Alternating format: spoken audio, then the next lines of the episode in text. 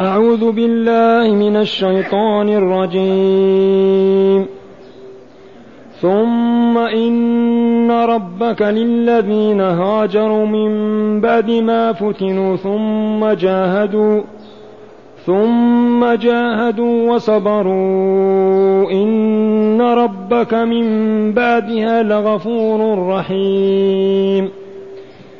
يوم تأتي كل نفس يوم تأتي يوم تأتي كل نفس تجادل عن نفسها وتوفى كل نفس ما عملت وتوفى كل نفس ما عملت وهم لا يظلمون وضرب الله مثلا قرية كانت آمنة مطمئنة يأتيها رزقها رغدا يأتيها رزقها رغدا من كل مكان فكفرت بأنعم الله فكفرت بأنعم الله فأذاقها الله لباس الجوع والخوف بما كانوا يصنعون. ولقد جاءهم رسول منهم فكذبوه فأخذهم العذاب. فأخذهم العذاب وهم ظالمون. بارك الله فيك. معاشر المستمعين والمستمعات من المؤمنين والمؤمنات. قول ربنا جل ذكره ثم إن ربك للذين هاجروا من بعد ما فتنوا ثم جاهدوا وصبروا إن ربك من بعدها لغفور رحيم. لقد سبق أن الله عز وجل رخص للمؤمنين في حال الإكراه بالتعذيب والقتل أن يقولوا كلمة الكفر بألسنتهم ولا تنشرح لذلك صدورهم وتطيب خواطرهم.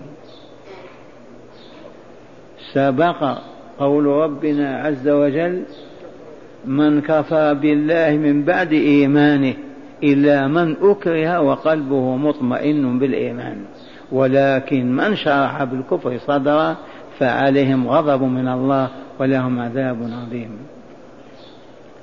هنا أذكركم بما تعلمون أن المؤمنين في مكة اضطهدوا وعذبوا ونكل بهم وقتل من قتل وعلى رأس من قتل سمية وعمار وخباب. فلما اشتد البلاء أذن لهم رسول الله صلى الله عليه وسلم في الهجرة إلى الحبشة إذ كان بها ملك صالح هو أصحم الحبشي. فهاجروا إليه. فآواهم ونصرهم فجزاه الله خير الجزاء. وأسلم ولكن لم يتمكن من الهجرة إلى المدينة ليشاهد رسول الله صلى الله عليه وسلم. ولكن لما مات وصل الخبر إلى رسول الله صلى الله عليه وسلم لا باللاسلك ولا بالسلك بالوحي الإلهي. فوالله لقد خرج من هذا المسجد مع رجاله إلى ساحة هنا وصلى عليه صلاة الغائب. وصلى عليه صلاة الجنازة صلاة الغائب وحوله المؤمنون. وبعض المؤمنين لما فرضت الهجرة عليهم بأن يتركوا مكة والكفر والضلال فيها ويلتحقوا بالمدينة الطاهرة ليعبدوا الله عز وجل وينصروا رسوله ودينه فهاجر من هاجر وجماعة عجزت عن الهجرة. ما استطاعت. فعذبوها فكفروا. قالوا كلمة الكفر. ثم بعد ذلك هاجروا وانضموا إلى جيش الله في المدينة وجاهدوا وصابروا وصبروا. فنزل فيهم هذا اللفظ الذي تسمعون. ثم إن ربك لمن؟ بعفوه ومغفرته ورحمته ونصرته لمن؟ للذين هاجروا من بعد ما فتنوا. وهنا أكرر القول وبلغوا أن المؤمن إذا وجد نفسه في بلد في السهل أو الجبل لا يستطيع أن يعبد الله فيه إلا ووجبت عليه الهجرة وجوب الصلاة والصيام. حتى يتمكن من أن يعبد الله العبادة التي ما خلق إلا لأجلها. مرة أخرى أقول أيما مؤمن يجد نفسه في مكان ما لا يستطيع أن يعبد الله فيه وجبت عليه الهجرة إلى بلد آخر إلى أرض أخرى ليعبد الله عز وجل إذ من أجل هذه العبادة خلق. والله يقول وما خلقت الجن والإنس إلا ليعبدون. أما من وجد نفسه قادرا على أن يعبد الله في أي مكان في أوروبا أو اليابان أو الصين أو الأمريكان يعبد الله عز وجل ولا يطالب بهجرة. وإنما يطالب بالهجرة وهي الانتقال من مكان لا يعبد فيها الله إلى مكان يعبد فيها الله. هذه الهجرة واجبة وباقية ببقاء هذه الحياة إلى أن تطلع الشمس من مغربها. ما السر في الهجرة؟ قولوا أن يعبد الله. فما دمت في قرية أو في حوش أو في سوق أو في مكان ما تتمكن من أن تعبد الله حرام عليك أن تبقى في هذا المكان. ولو تركت أهلك ومالك كما فعل أصحاب رسول الله صلى الله عليه وسلم تركوا أموالهم وأهليهم بمكة وهاجروا المدينة لأن أهل مكة منعوهم من أن يعبدوا الله. ثم إن ربك للذين هاجروا من بعد ما فتنوا فتنوهم ليصرفوهم عن لا إله إلا الله محمد رسول الله صلى الله عليه وسلم. ثم جاهدوا وصبروا إن ربك من بعدها لغفور رحيم. هنيئا لهم غفر لهم ورحمهم. لطيف في قوله إن ربك إن ربك ما قال إن الله غفور رحيم لأن الهجرة تكون لله ولرسوله. الهجرة كانت لمن؟ لله ولرسوله. إن ربك لغفور رحيم. والكافي ربك عائد على المصطفى صلى الله عليه وسلم. مرة ثانية يا عباد الله يا نساء المؤمنين يا رجال الإسلام ما خلقنا إلا لنعبد الله. فهيا نعبد ربنا بما شرع لنا. فمن حيل بينه وبين العبادة فليهاجر. وينزل بأي مكان كان يعبد فيها الرحمن عز وجل. ثم قال تعالى يوم تأتي كل نفس تجادل عن نفسها وتوفى كل نفس ما عملت وهم لا يظلمون. القرطبي نسبة إلى قرطبة من علماء السلف رحمه الله له تفسير علي عجيب عظيم. ورد في تفسيره ما يلي. ماذا قال؟ قال قال عمر رضي الله عنه عمر بن الخطاب. قال عمر يا كعب الأحبار يا كعب الأحبار هذا أحد علماء الإسلام يهودي وأسلم وصار من أصحاب رسول الله صلى الله عليه وسلم. يا كعب الأحبار خوفنا خوفنا حدثنا نبينا بما عندك من العلم. عمر على جلالته رضي الله عنه وأرضاه يواجه هذا العالم هذا الحبر كعب الأحبار ويقول يا كعب الأحبار خوفنا شجعنا حدثنا نبئنا. فيقول كعب رضي الله عنهما معا فيقول كعب والذي نفسي بيده هذه يمين رسولنا صلى الله عليه وسلم. هذه يمين الطاهرين والطاهرات والذي نفسي بيده كأنما قال والله أو ربي أو الذي خلقني والذي نفسي بيده إن شاء أرسلها وإن شاء قبضها فالذي يحلف بهذه اليمين ما يستطيع أن يكذب أبدا أو يقول الباطل وهو موقن أن نفسه بيد الله عز وجل. احفظوا هذه اليمين واحلفوا بها. والذي نفسي بيده. هذه يمين رسول الله صلى الله عليه وسلم. يمين رسول الله صلى الله عليه وسلم. حلف بها كعب الأحبار. والذي نفسي بيده.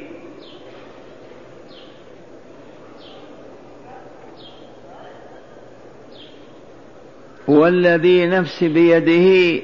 لو وافقت يوم القيامة يا عمر لو وافقت يوم القيامة بمثل عمل سبعين نبيا لو جئت يوم القيامة ومعك عمل صالح عمل سبعين نبي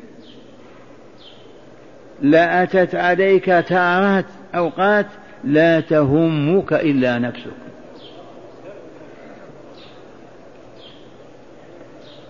ماذا قال عمر؟ يا كعب الأحبار خوفنا هيجنا حدثنا نبئنا. فقال له كعب رضي الله عنه والذي نفسي بيده وهو الله لو وافيت يوم القيامة يا عمر ووجدت نفسك فيه وافيته بمثل عمل سبعين نبيا من الأنبياء. لأتت عليك تارات ساعات أوقات لا تهمك إلا نفسك. فقط لا الأب ولا الأم ولا الأخ ولا القريب ولا البعيد. وإن لجهنم زفرا. وإن لجهنم زفرا. والزفرة الصوت المزعج. وإن لجهنم زفرة لا يبقى ملك مقرب ولا نبي منتخب إلا وقع جاثما على ركبته. إن لجهنم زفرة لا يبقى ملك ملك مقرب ولا نبي منتخب إلا وقع جاثيا على ركبتيه. من ذلك الصوت. حتى إنه حتى إن إبراهيم الخليل لا يدلي بالخلال بالخلال ويقول ربي إني خليلك إني إبراهيم إني خليلك إني إبراهيم فاحفظ نفسي أو وقي نفسي نفسي نفسي. مرة ثانية أسمعكم هذا العجب. عمر بن الخطاب رضي الله عنه وأرضاه يحادث ويحدث كعب الأحبار لأنه عالم من علماء بني إسرائيل أسلم وحسن إسلامه وكان من كبار العلماء. يقول له يا كعب الأحبار خوفنا هيجنا حدثنا نبئنا. فيقول له كعب والذي نفسي بيده لو وافيت يوم القيامة يا عمر بمثل عمل سبعين نبيا لأتت عليك تارات لا تهمك إلا نفسك. ولهذا ما من نبي ولا رسول في هذه الفترات يذكر أمته وإلا أبناءه ولا إخوانه أبدا. إلا ما كان من محمد صلى الله عليه وسلم يذكر أمته. فقط. وإن لجهنم لزفرا صوت. لا يبقى ملك مقرب ولا نبي منتخب إلا وقع جاثيا على ركبتيه عندما يسمع ذاك الصوت صوت جهنم. زفر فقط منها. حتى إن إبراهيم الخليل لا يدلي بالخل بالخلة فيقول يا ربي أنا خليلك إبراهيم لا أملك اليوم إلا نفسي.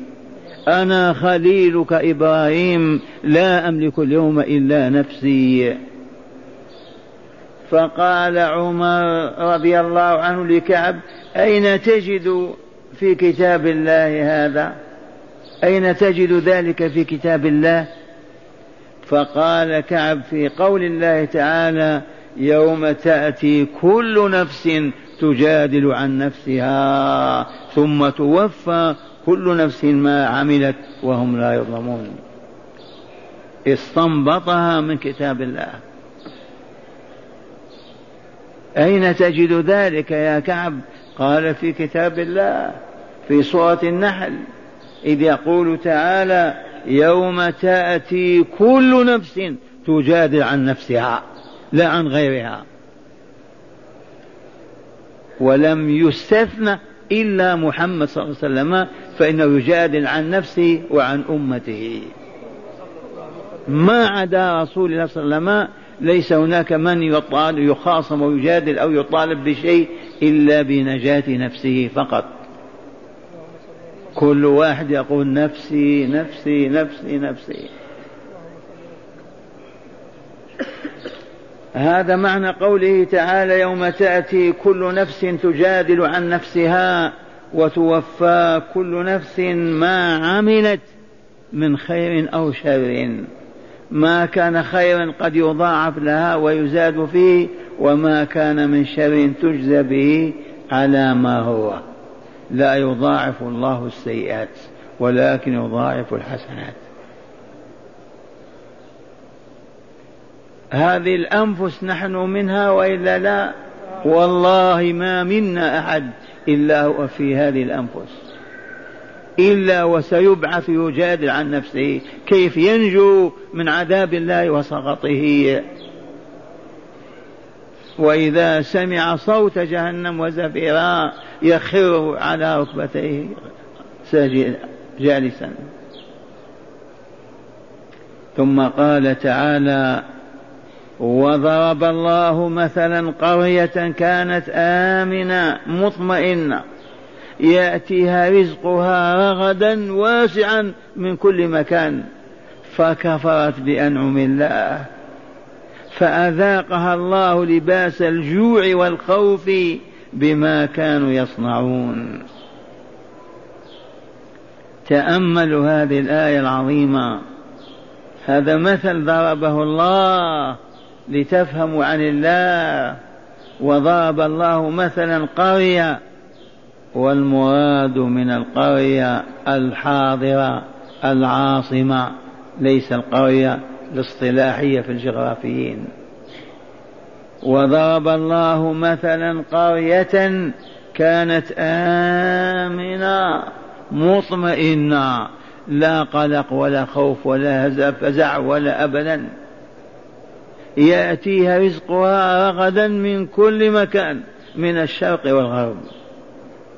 فكفرت بأنعم الله. ما شكرت نعم الله عليها فكفرت بأنعم الله فأذاقها الله لباس الجوع والخوف بما كانوا يصنعون من الباطل والشر والخبث والكفر والفساد. هذه الآية تتناول أولا مكة. واحلف بالله إن مكة لمقصودة بهذا. إذ مكة المكرمة كما أخبر تعالى في قوله لإيلاف قريش إيلافهم رحلة الشتاء والصيف فليعبدوا رب هذا البيت الذي أطعمهم من جوع وآمنهم من خوف. لما غزا مكة أبرهة الحبشي بالفيل ورجاله. لما قاربوا الوصول إلى منى ما بين مزدلفة ومنى. الوادي هذا يسمى وادي محصر موجود. ثم أرسل الله تعالى على ذلك الجيش حجارة من سجيل من جهنم. الحجرة كالحمصة طير قبل أن تعرف الدنيا الطائرات النفاثة طير تحمل هذه الحجارة. فما تسقط حجارة عن جندي حتى يتحلل ويذوب. وقرأوا ألم تر كيف فعل ربك بأصحاب الفيل؟ ألم يجعل كيدهم في تضليل؟ وأرسل عليهم طيرا أبابيل ترميهم بحجارة من سجيل فجعلهم كعصف مأكول. لم فعل هذا لإيلاف قريش؟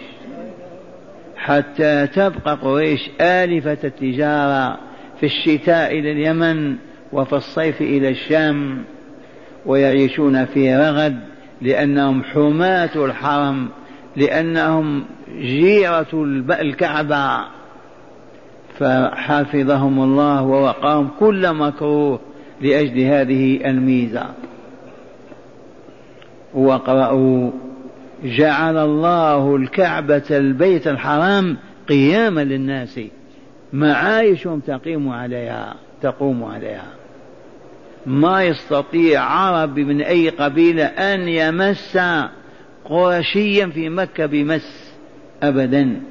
بل يجلهم ويحترمهم لأنهم حماة الحرم وسكان الحرم. إذا جعل الله الكعبة البيت الحرام قياما للناس والشهر الحرام والهدي والقلائد. ذلك لتعلموا أن الله يعلم ما في السماوات وما في الأرض وأن الله بكل شيء عليم سبحانه وتعالى. إذا كانت آمنة مطمئنة. أي مكة يأتيها رزقها رغدا أي واسعا من كل مكان من اليمن والشام وغيرهما فكفرت بأنعم الله.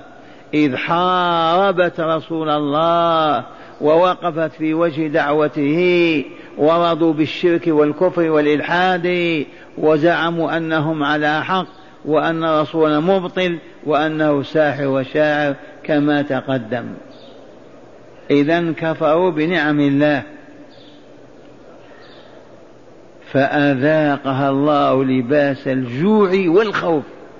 لباس الجوع كأنه يلبسه يحيط به كالثوب والخوف كذلك. وهنا تم هذا والرسول صلى الله عليه وسلم في المدينة. مع رجاله المهاجرين والأنصار.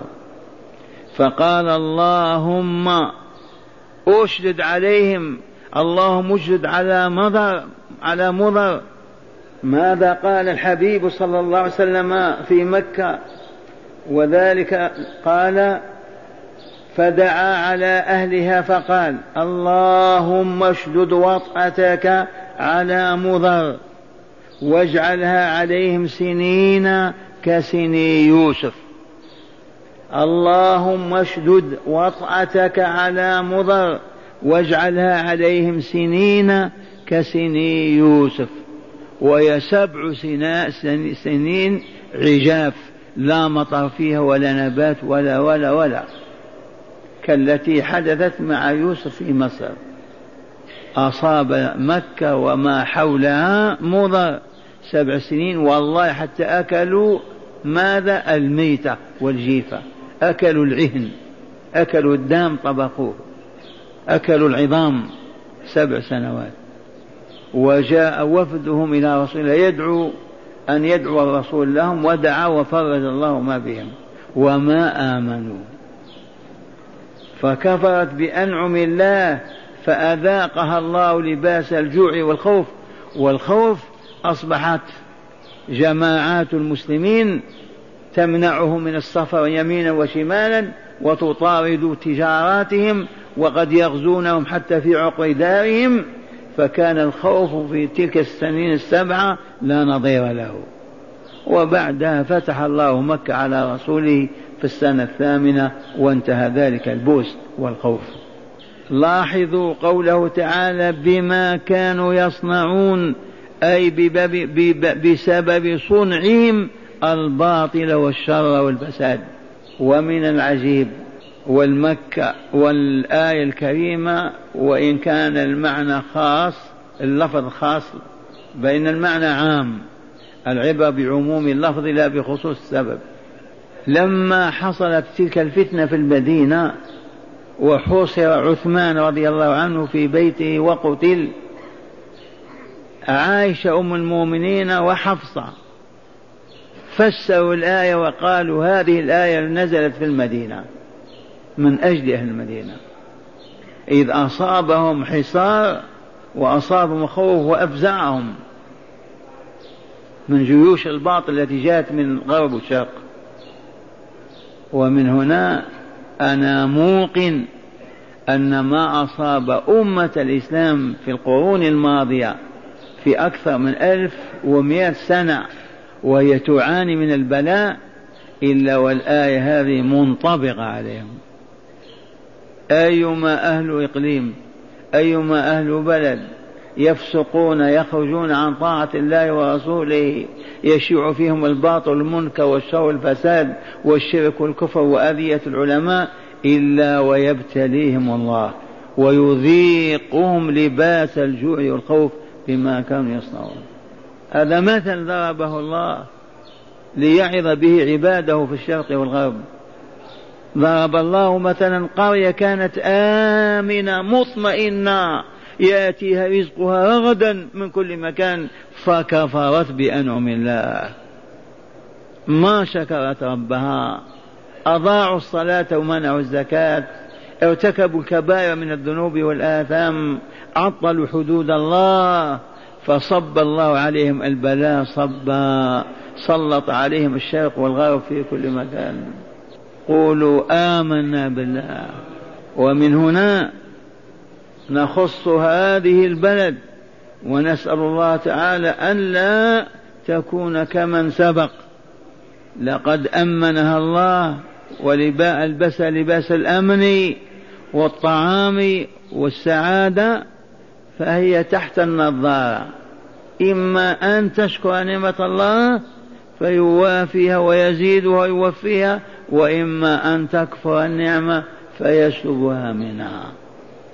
فلهذا على أهل ديارنا هذه أن يتقوا الله أن لا يخرجوا عن طاعة الله ورسوله وإمام المسلمين. وأن لا يسرفوا في الطعام والشراب واللباس والسكن والنكاح وأن يعرفوا أنهم مرتقبون تحت نظارة الرحمن فلا فسق ولا فجور لا خيانة ولا كذب لا ربا ولا زنا لا باطل ولا منكر لا شرك ولا فسق ولا فجور حتى تستمر هذه النعمة. وعرف بنو عمنا اليهود هذا. وقالوا إلى متى هذه النعمة دائمة لا بد من أن نزيلها.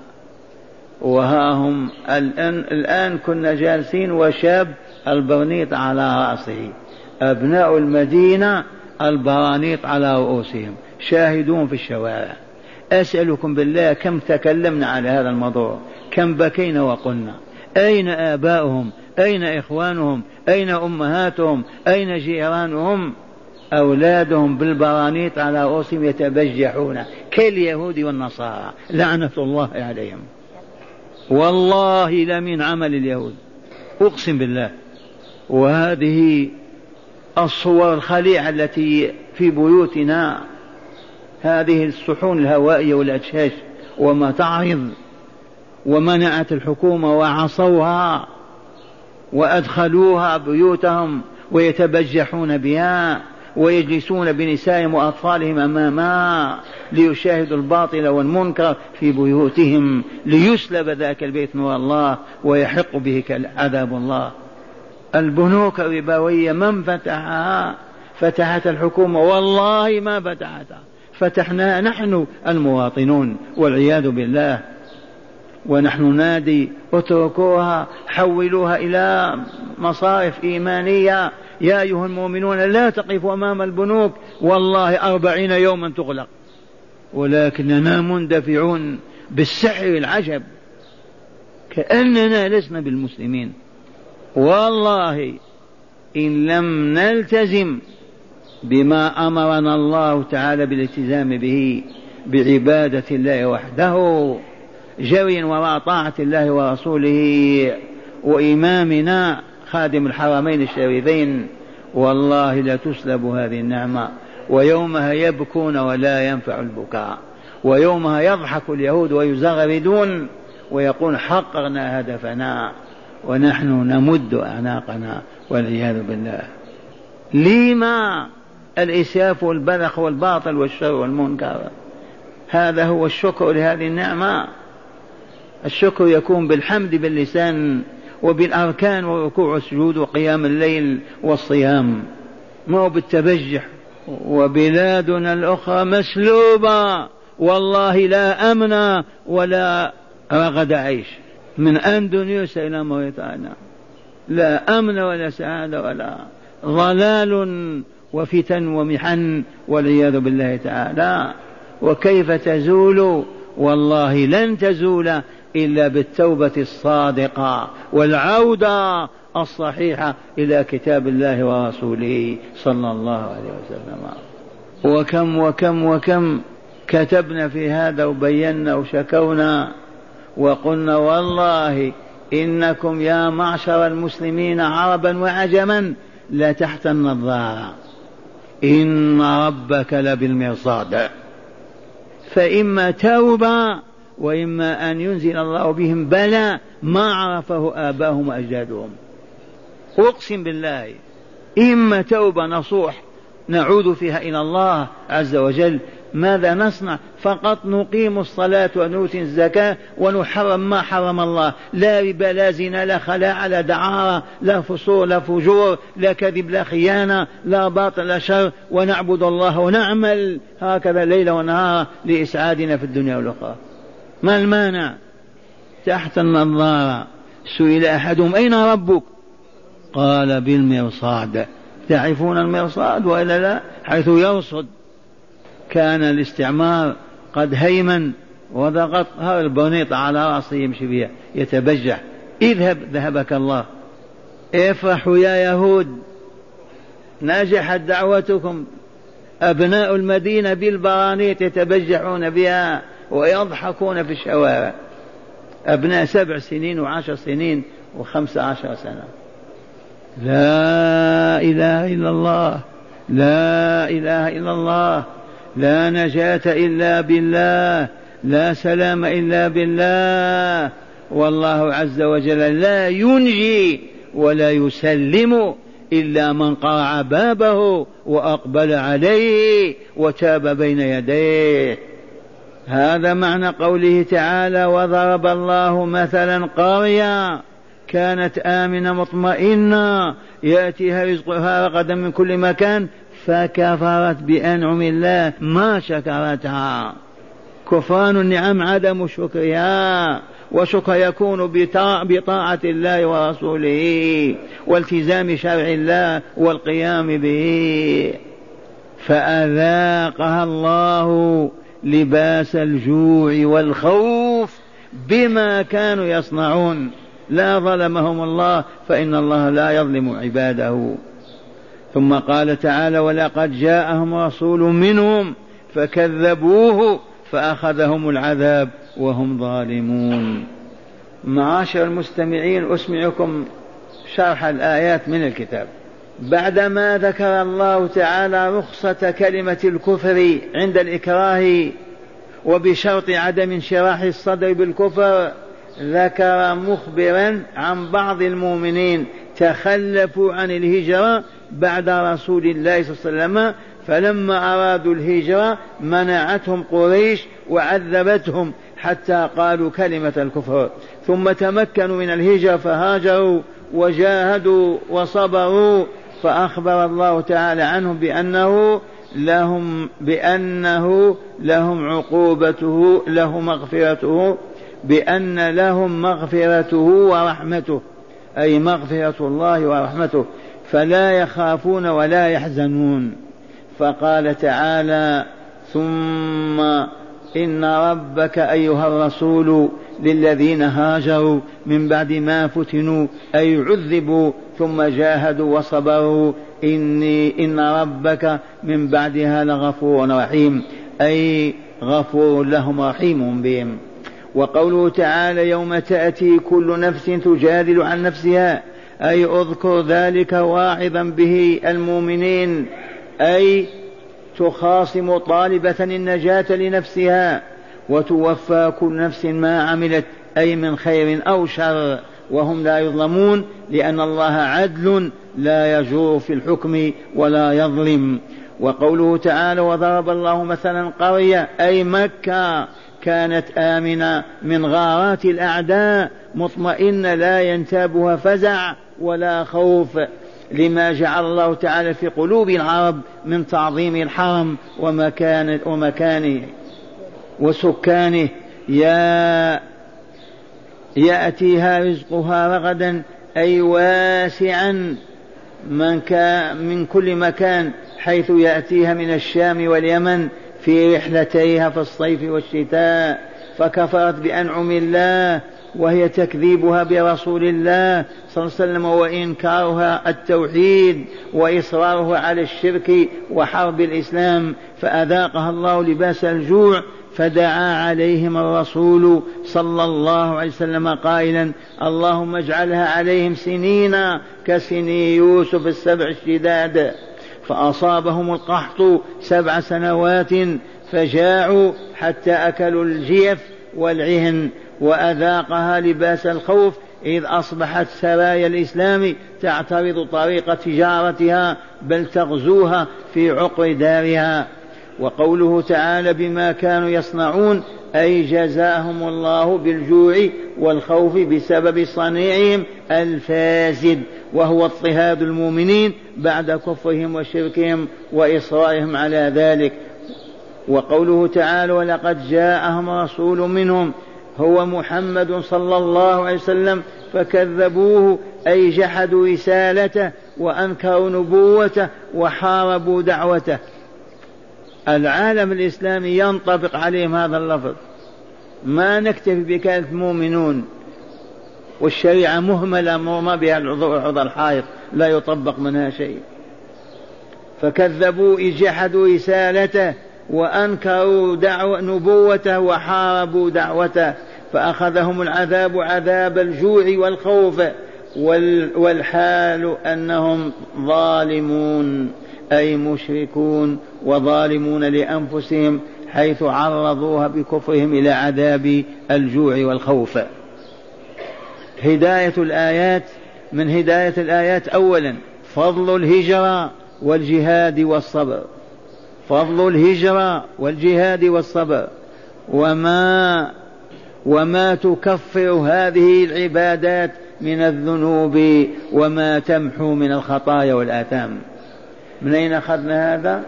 إن ربك للذين هجمت إن ربك من بعدها لغفور رحيم. ثانيا وجوب التذكير باليوم الآخر. من ذكر عمر؟ كعب الأحبار. هو طلب منه بالتذكير فذكر وجوب التذكير باليوم الآخر. وما يتم فيه من ثواب وعقاب للتجافي عن الدنيا والإقبال عن الآخرة. التذكير من أجل التجافي والتباعد عن الدنيا والإقبال عن الآخرة. عمر يطلب التذكير من كعب الأحبار. ثالثا استح استحسان ضرب الأمثال من أهل العلم.